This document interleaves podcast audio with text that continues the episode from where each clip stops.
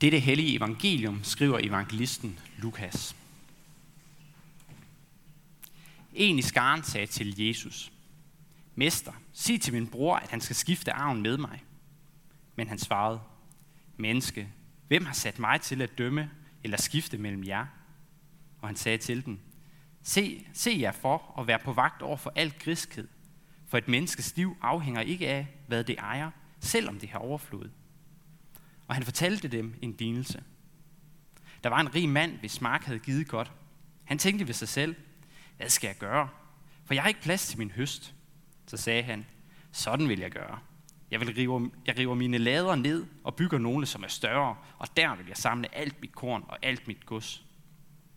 Og jeg vil sige til mig selv, så min ven, du har meget gods liggende, nok til mange år.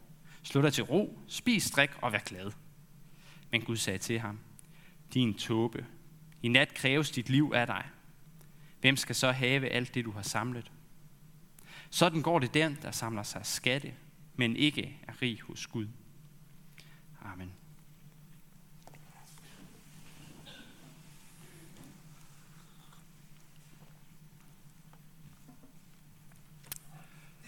Det gode liv eller discipleskab. Vi møder i dagens tekstlæsninger to forskellige livsveje. To forskellige mål med livet. To forskellige livsformer. Det gode liv og discipleskab. Den første livsform, det gode liv, er denne side. Altså den handler om dette liv. Den handler om mad og drikke, og ikke blot om at, om at have mad og drikke, men om at have det i overflod, så man ikke behøver at bekymre sig. Det handler om rigdom og penge, om at have materielle goder. Det handler om at være glad og tryg i dette liv. Det handler om det gode liv her i dette liv. I denne livsform er det gode ikke høje moralske eller religiøse værdier, men erfarbar nydelse og konkrete ting. Eller hvis vi skal bruge et mere negativt klingende ord, det er et hedonistisk og materialistisk liv. Denne livsform er meget udbredt i vores samfund. I dag er de materielle goder ikke så meget korn i lade, men god mad, tøj, smartphone, bil, hus og ferie. Livet det handler om oplevelser. Store naturoplevelser. Spændingen ved til sport. Suset ved at være forelsket. Glæden ved at være sammen med familie og venner. Stoltheden over at være en succes på arbejdet. Det er også en livsform, der er udbredt i kirken. Vi længes også efter et godt liv her i denne verden. Og det er der dybest set ikke noget i vejen med. Den anden livsform, discipleskabet, er åben for de hinsidige. Den handler ikke kun om dette liv, men også om noget mere. Den handler om nøjsomhed. At vi ikke skal stræbe efter at samle mere rigdom, end vi har brug for. Den handler om, at vi i stedet for at stræbe efter rigdom og materielle goder, skal stræbe efter højere immaterielle goder. Paulus nævner retfærdighed, gudsfrygt, tro, kærlighed, udholdenhed og sagtmodighed. Det handler om at være rig hos Gud, og om at stride troens gode strid. Det er den livsform, som vi taler om her i kirken. Det er den livsform, vi fremstiller som idealet, og som vi, som vi stræber efter, eller som vi føler, vi bør stræbe efter. Vi stilles altså i dag over for to veje. Det gode liv eller discipleskabet. Problemet med det gode liv er, at det ikke kan bære os, hvis vi gør det til fundamentet for vores liv. Det gode liv vil skuffe os, hvis vi gør det til mening med livet.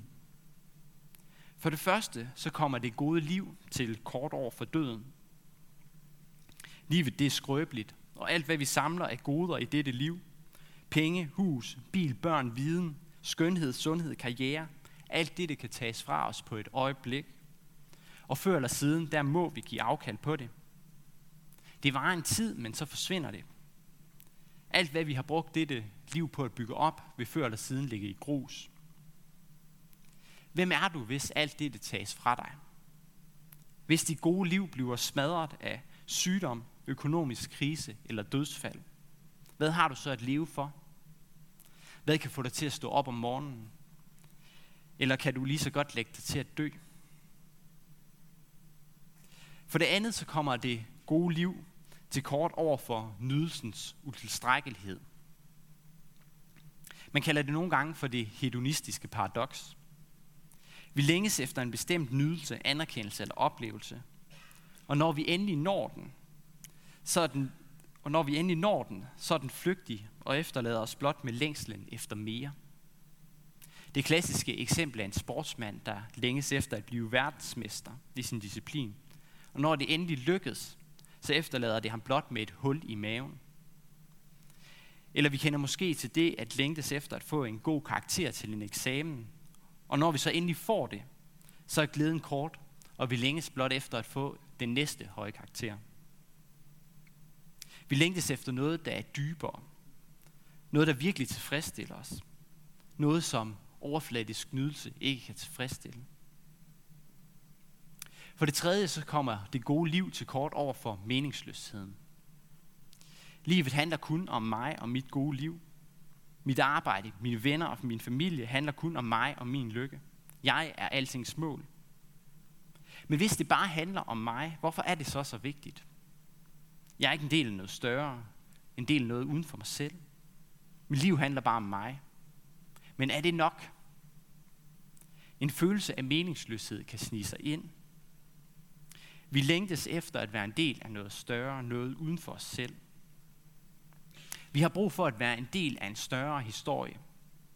For at være en del af noget, der rækker ud over os selv. Hvis livet bare handler om mig, mig og mig, er det så virkelig værd at leve? Verden er fuld af historier, der er større end os selv. Du kan eksempelvis begynde at samle på dyrekort eller Pokémoner. Jagten på den fuldendte samling fylder livet med formål og mening. Eller du kan blive AGF-fan. Du kan blive en del af et fællesskab, der lever og ånder for holdet, og som længtes efter mesterskabet. Eller du kan blive medlem af en skolebestyrelse. Tag del i slid for, at vores børn skal få en god og sund uddannelse.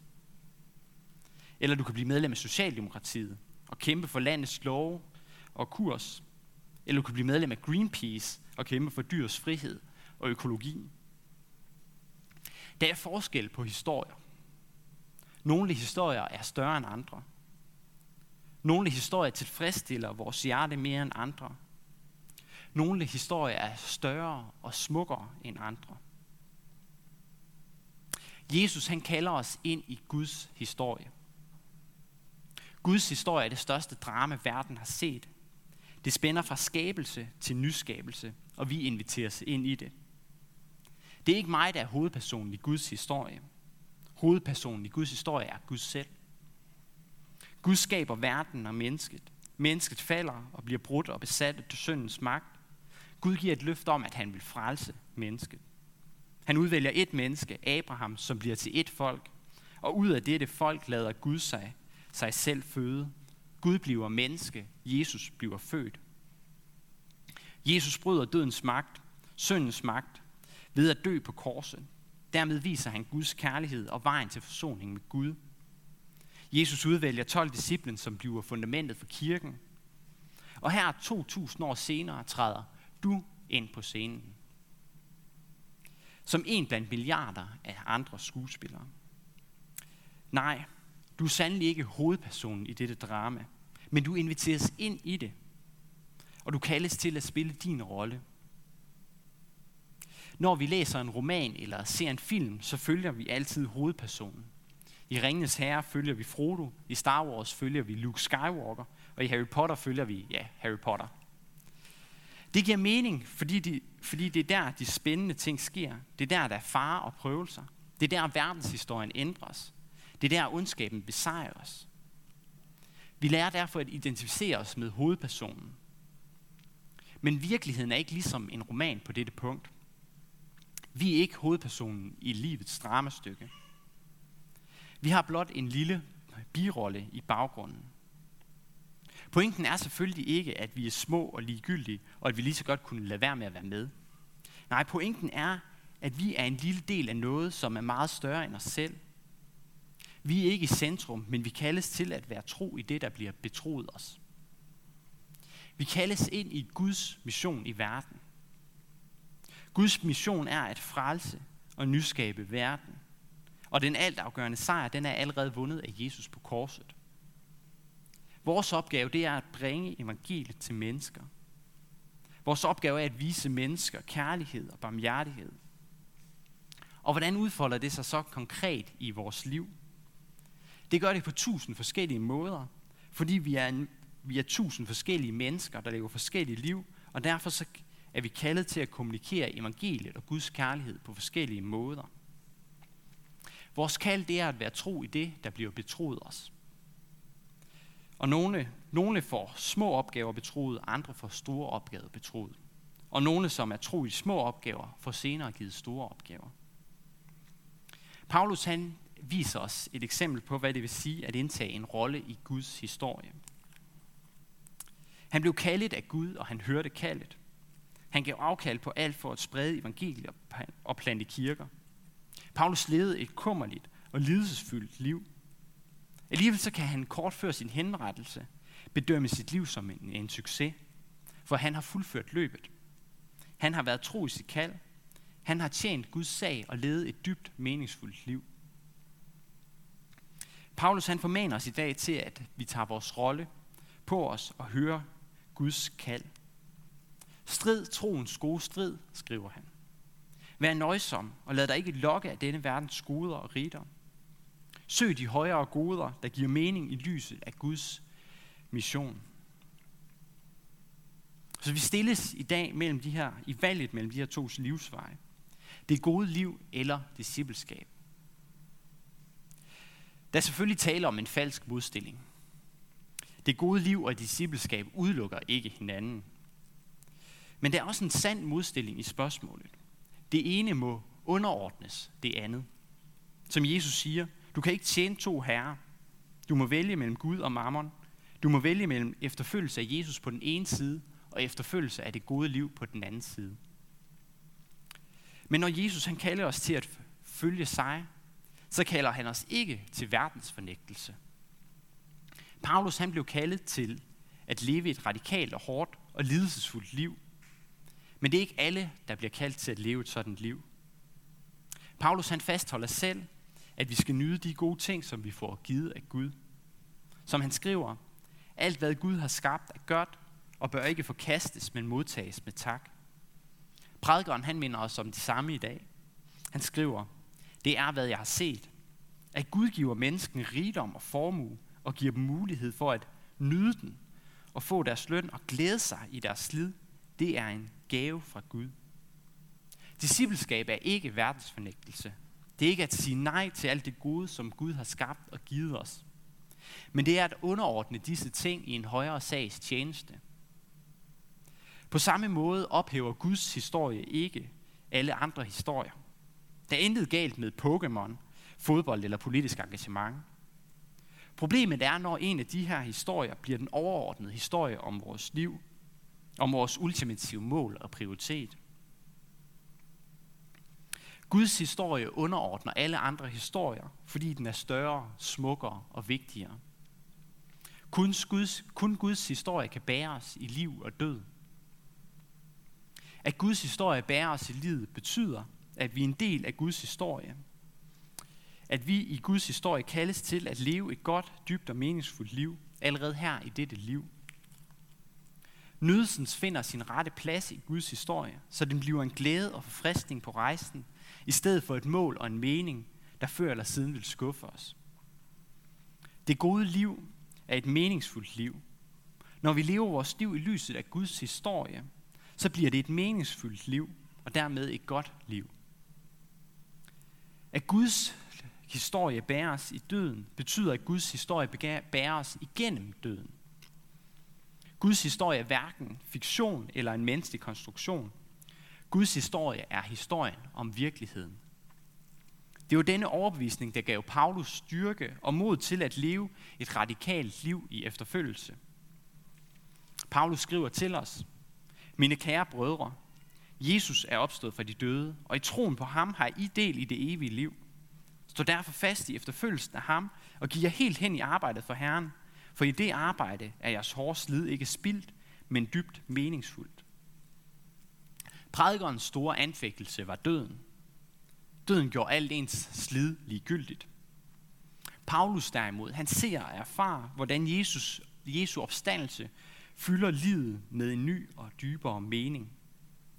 Slidet er ikke spildt, men tjener en højere sag, nemlig Guds mission. Du står altså i dag i et valg mellem to livsveje. Det gode liv og discipleskab. Hvad du vælger har konsekvenser for dit liv. Det vil afspejle sig i dine værdier, i dine prioriteter, i de mål, som du stræber efter. Det vil afspejle sig i din kalender, i din karriere og i din fritid. Det vil afspejle sig i din brug af penge, i dine vaner og i din familie. Jesus han kalder dig til efterfølgelse. Han siger til dig, kom og følg mig. Amen. Lov, tak og evig ære være dig, og Gud, Fader, Søn og Helligånd. Du som var, er bliver en sand i Gud, højlået fra første begyndelse, nu og i al evighed. Amen.